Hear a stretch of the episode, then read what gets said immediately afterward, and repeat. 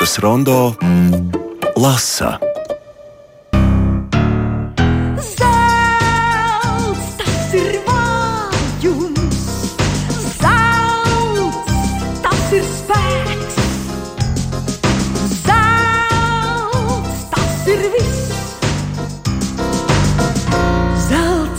Ir viss. Tas ir viss.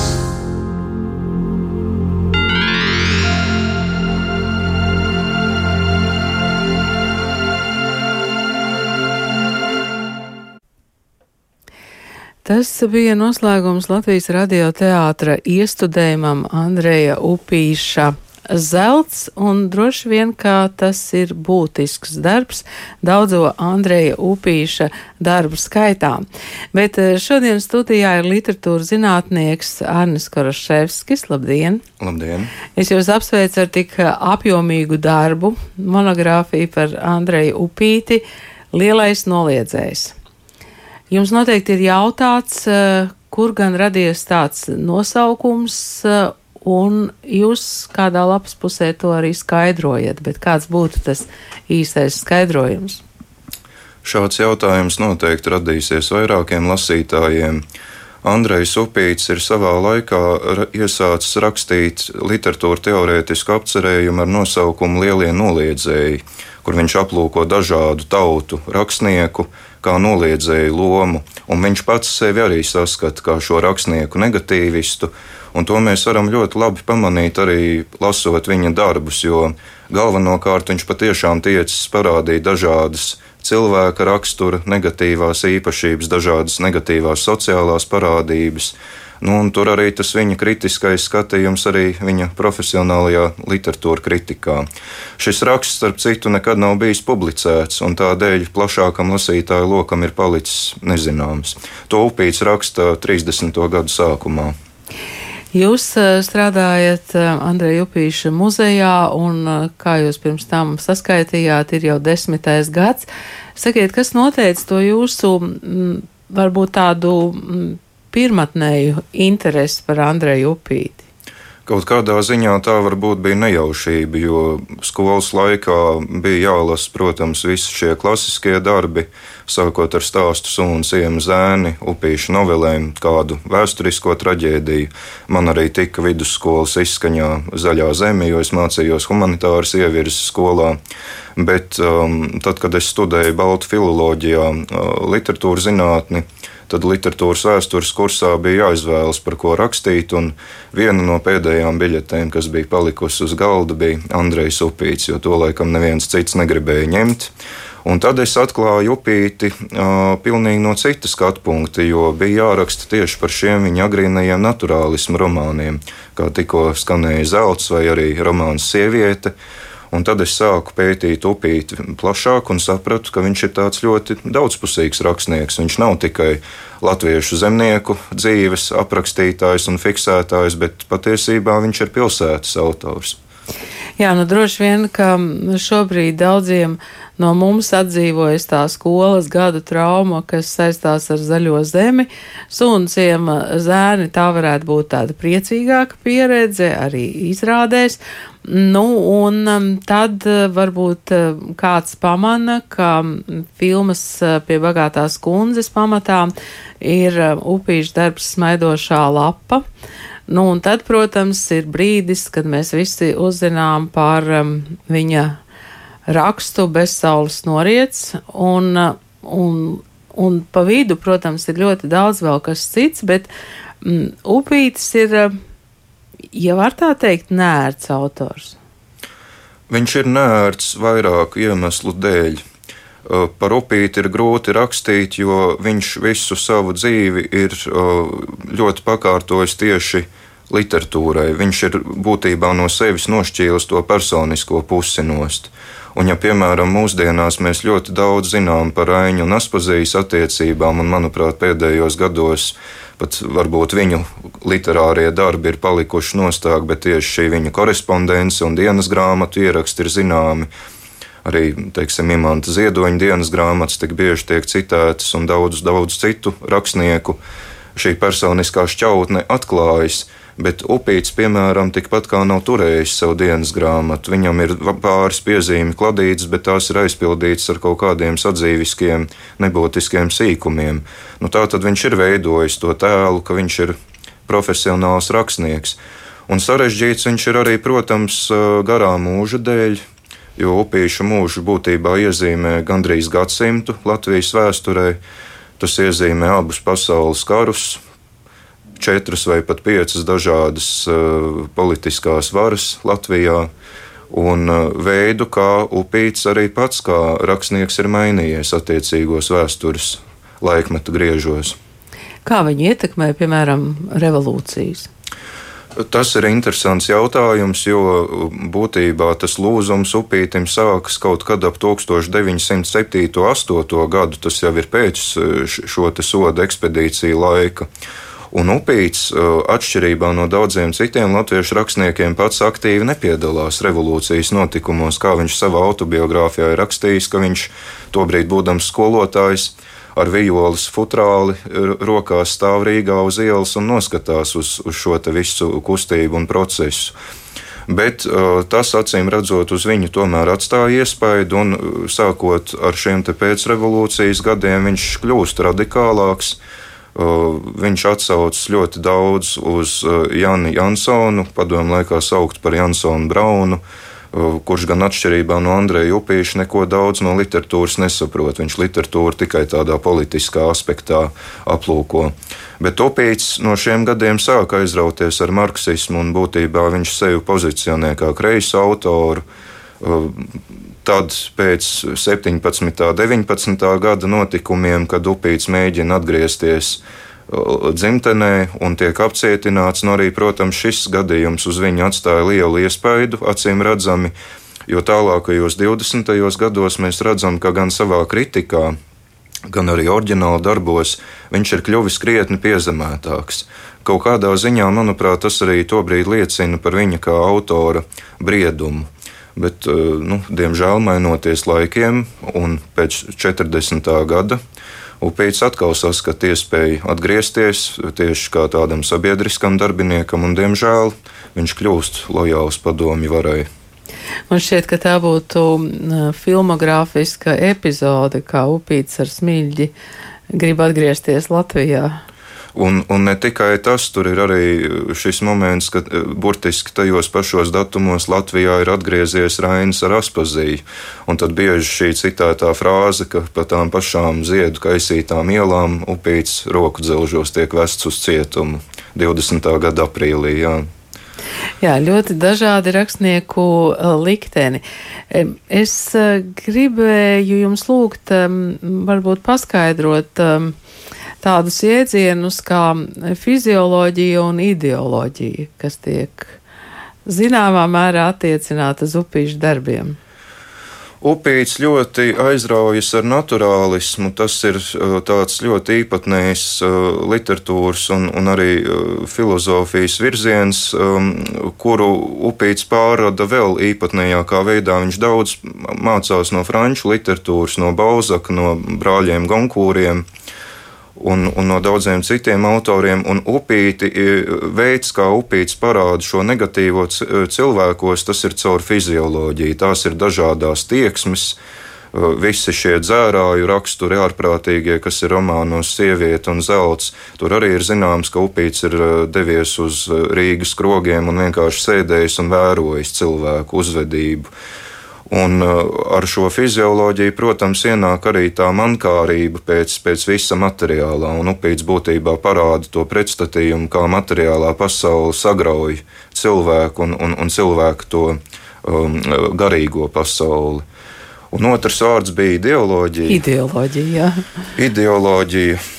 Nu jā, tas ir uh, šī upīša aizraušanās ar noteiktām, ar noteiktām uh, idejām un vēlme arī tās teorētiskā veidā aprakstīt literatūrā. Viņam, piemēram, nepieņemams romantisms ir tādēļ, ka tā ir individuāla māksla.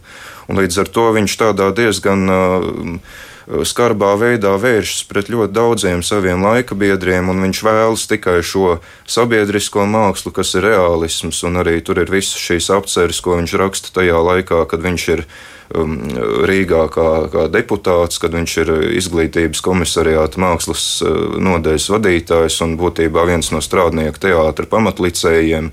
Uh, šīs idejas par proletārisko mākslu un, un kā tās tiks realizētas uz skatuves. Um, ideoloģijas jēdziens caurstrāvo visu upīša dzīvi. Tā ir. Um, Tad, kad um, mēs vērsim vaļā monogrāfiju Lielais uh, noliedzējs, tad sākumā ir neliela ekskursija. Izstāstiet, lūdzu. Jā, tas tā netīšām sanāca, un to man patiesībā beigās norādīja abi grāmatas redaktori, gan Gundaga Blumberga, gan pieaicinātais eksperts Vens Zvaigzne. Un es to pats nebiju pamanījis, ka patiesībā no kompozīcijas viedokļa es šo grāmatu iesāku ar muzeju, un es arī pabeidzu ar muzeju. Nu, jūs tur strādājat, jā. Tas tā likumsakarīgi, jā, tomēr desmit nostrādātie gadi. Uh, Uh, šis sākums uh, iemieso to standarta tekstu, standarta vēstījumu, ko sagaida muzeja apmeklētājs ierodoties Andreja Upīša memoriālajā muzejā. Un uh, mēs ar apmeklētāju runājam tā, it kā viņš neko nezinātu par upīti. Līdz ar to tur arī ir tā um, pēdējā rinkopa ievadā, ka ir sniegts apzināti šis romantizētais un varbūt naivais skatījums Nu, un tad tagad tālāk mēs ķersimies pie visiem jautājumiem pēc kārtas un iztirzāsim un atgriezīsimies vēlreiz un uh, sapratīsim, ka viss nav tik vienkārši varbūt. Kādi cilvēki un ar kādiem jautājumiem visbiežāk iegriežas muzejā? Nāk ar jautājumiem, protams, par šo sarežģīto upīšu politisko uh, karjeru. Visvairāk cilvēkus interesē tieši padomju okupācijas laiks, Mazākā mērā tie varbūt ir jautājumi par kādiem konkrētiem literāriem darbiem. Bieži jautā par sadzīvi, par personīgo dzīvi, un tie ir tie sarežģītie jautājumi, jo, kā minēja Jupīts, to ir ļoti veiksmīgi nošķīris um, no sevis. Um, jā, starp citu, jūs jau teicāt, ka tādas uh, klasiskas dienas grāmatas nav. Autobiogrāfija ir, bet tā jau ir tā apzināti rakstīta publicēšanai. Ja? Tā ir apzināti rakstīta 20. gadu sākumā, 23. gadā tiek izdots šis krājums rīta cēliens. Tur ir arī ļoti īpatnējs pielikums ar dažādiem Andreja upīšu aforismiem, kas arī nav plašākam lasītāju lokam zināmi, jo, kad rīta cēliens tiek atkārtot izdots padomju laikā, viņš ir gan saīsinātā redakcijā, gan arī bez šiem pielikumiem. Un upīts tur apraksta savu dzīvi, bet, protams, ka tas ir ļoti subjektīvi, jo ja mēs katrs pats savu dzīvi aprakstīsim, protams, ka objektivitātes jēdziens kļūst uh, problemātisks. Um, un tur ir arī cita problēma. Viņš būtībā apstājas īsi pirms šī apcietinājuma laika, un es domāju, ka viņš to dara apzināti, jo tobrīd viņš pats vēl nav ticis skaidrībā par savu attieksmi. Nu, tad, uh, diemžēl, neatkarīgās Latvijas laikā viņš vairs par sevi neraksta tikpat kā neko, un tālāk, kas viss ir tapis jau padomju okupācijas laikā, tas ir ārkārtīgi tendenciozi. No tā ir arī radušies ļoti daudz stereotipi, piemēram, par upīti kā šo apspiestu autoru 30. gadu Latvijā pēc Kāļa Ulmeņa nākšanas pie varas. Un arī šajā monogrāfijā es tam esmu veltījis diezgan plašu nodaļu, kur ir mēģināts šos mītus graut ar noteiktām atsaucēm uz noteiktiem materiāliem.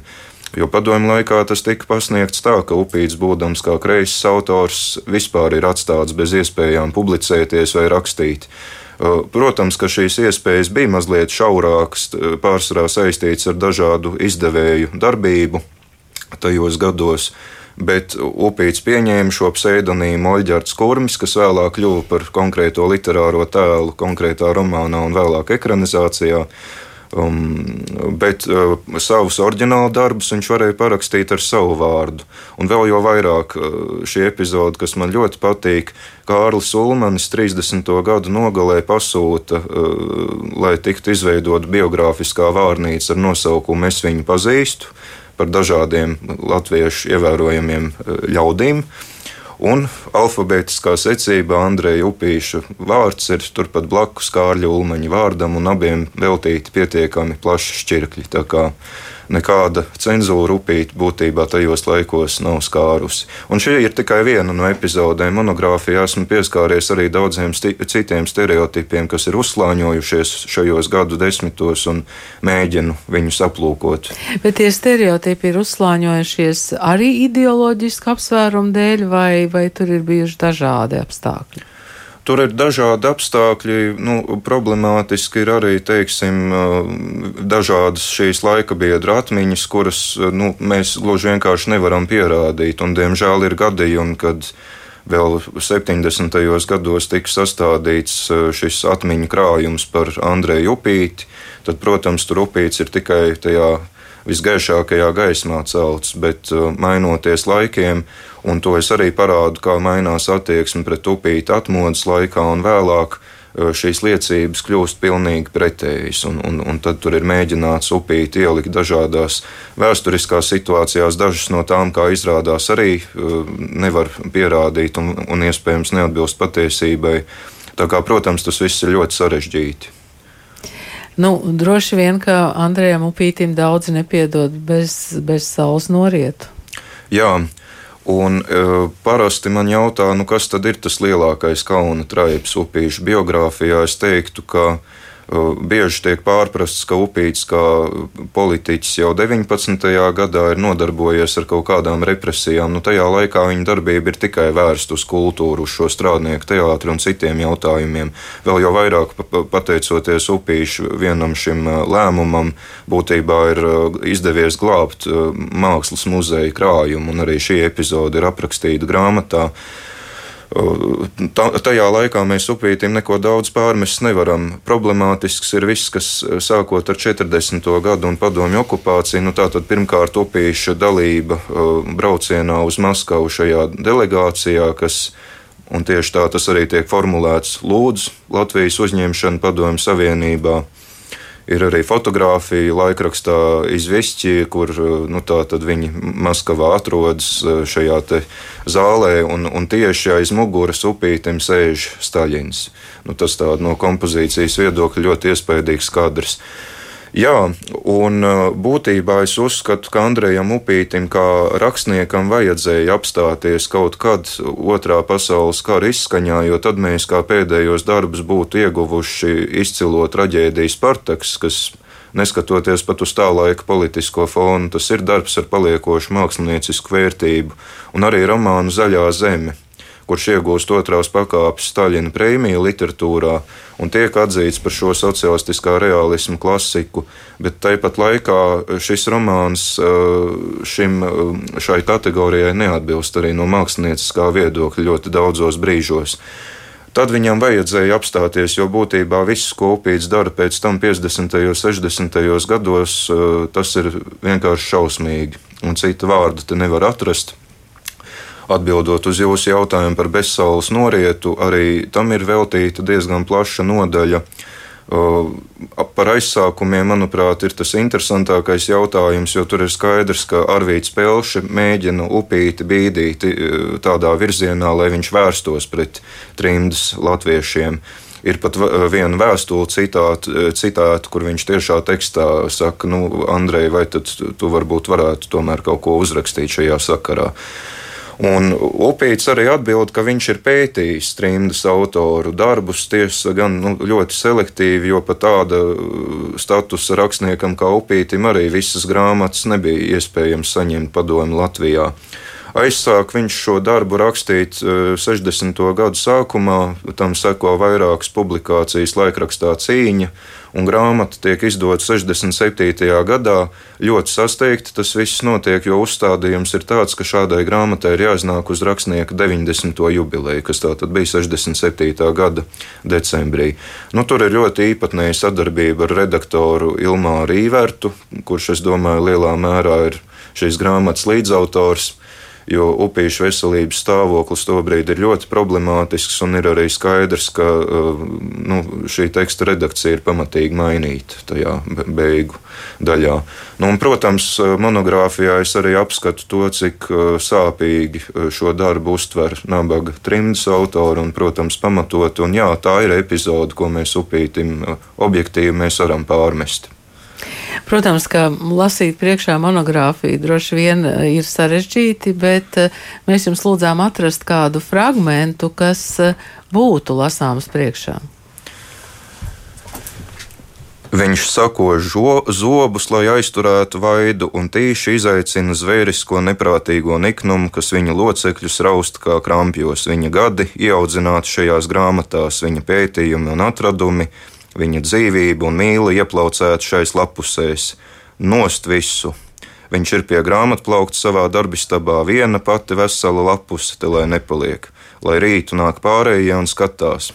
Viņš izrauja vēstuļu nazi un klūpa ar to viņa rokas asiņo kā slepkavam, vai tās ir viņa vai grāmata asinis, vai viņš ir slepkava vai pašslepkava, vai tas nav viens un tas pats. Viņš sabradā savu šūpuli, izposta savu bērnību, jaunību, briedumu, garo gadu darbu un pats sevi, saplēš, aplauž un sagāž. Tad viņš izskrien laukā. Tāpat skriedams viņš aizsēdz seju plaukstām un pirkstiem aizspiež acu plakstus. Rokas ir sausas un raupjas no putekļiem, bet drīz jau būs miklas asarām un pašu asinīm plaukstās, un grāmatu smarža smagi tvīksmaina plūst no tām. Nu, Kāds komentārs droši vien nepieciešams? Nepieciešams komentārs, jo noteikti ļoti dīvains citāts, paturot prātā, ka šī ir zinātniska monogrāfija. Šeit ir pārstrādāts Andreja Upīša novēles rožu slepkava teksts. Novēles fināls, kur tātad dārznieks Franks Aršaliks iznīcina pats savu ilgi kultivēto rožu kolekciju. Um, šāda ideja man radās jau monogrāfijas noslēguma posmā, jo pietrūka um, tā brīža, uh, kur varētu parādīt kā Andrejam Upītam tajā viņa ideoloģiskajā uztverē sāk veidoties plaisas. Un kad viņš pats saprot, ka iespējams tā vara, pēc kuras viņš ir tik ilgi tiecies, gluži neatbilst tām viņa iedomām. Un jā, šeit ar rozēm mēs esam, rozes esam aizvietojuši ar grāmatām un kaut kādā ziņā simboliski, jo upīšu literatūra vēsturiskā darbība padomu laikā patiešām nozīmēja vēršanos pašam pret sevi, vēstures pārrakstīšanu un kaut kādā ziņā arī šo latviešu rakstnieku un darbu iznīcināšanu. Vai tagad jūs gaidāt uh, Gunta Bereļa romānu par Andreju Upīti? Gaidu Gunta Bereļa romānu vēl jo vairāk tādēļ, ka pirms pāris gadiem viņš man izstāstīja savu ieceri, lūdzu gan nevienam citam ar to nedalīties, tā kā tas ir mūsu lielais noslēpums, bet manuprāt, Viņam ir ļoti interesanta ideja un tas veids, kā viņš ir izdomājis aprakstīt Andreju Upīti. Bet jūs jebkurā brīdī tomēr varēsiet sastapt Andreju Upīšu muzejā? Andreja Upīša muzejā mani var sastapt, var nākt ar sūdzībām vai ar komplimentiem pēc grāmatas lasīšanas. Nu, katrā ziņā tas, ko es esmu mēģinājis, ļoti bieži muzeja darbiniekiem tiek pārmests tas, ka mēs esam tādi kā Andreja Upīša aizstāvi vai aizstāvētāji tas, ko es esmu mēģinājis šajā grāmatā darīt, mēģināt tomēr iegūt to neitrālo skatījumu uz upīti un vietumus, kur es saskatu iespēju upīti paslavēt, piemēram, par kādiem literāriem sasniegumiem, es to daru, un atkal vietumus, kur ir šīs problemātiskās epizodes, un kur upīti mēs varam kaut ko pārmest, tur es arī nekautrējos un to daru. Paldies šodien par sarunu. Studijā bija literatūras zinātnieks Arnis Karoševskis, un eh, tagad eh, šai sērijā es esmu, ir pievienojusies monogrāfija par Andreju Upīti lielais noliedzējs.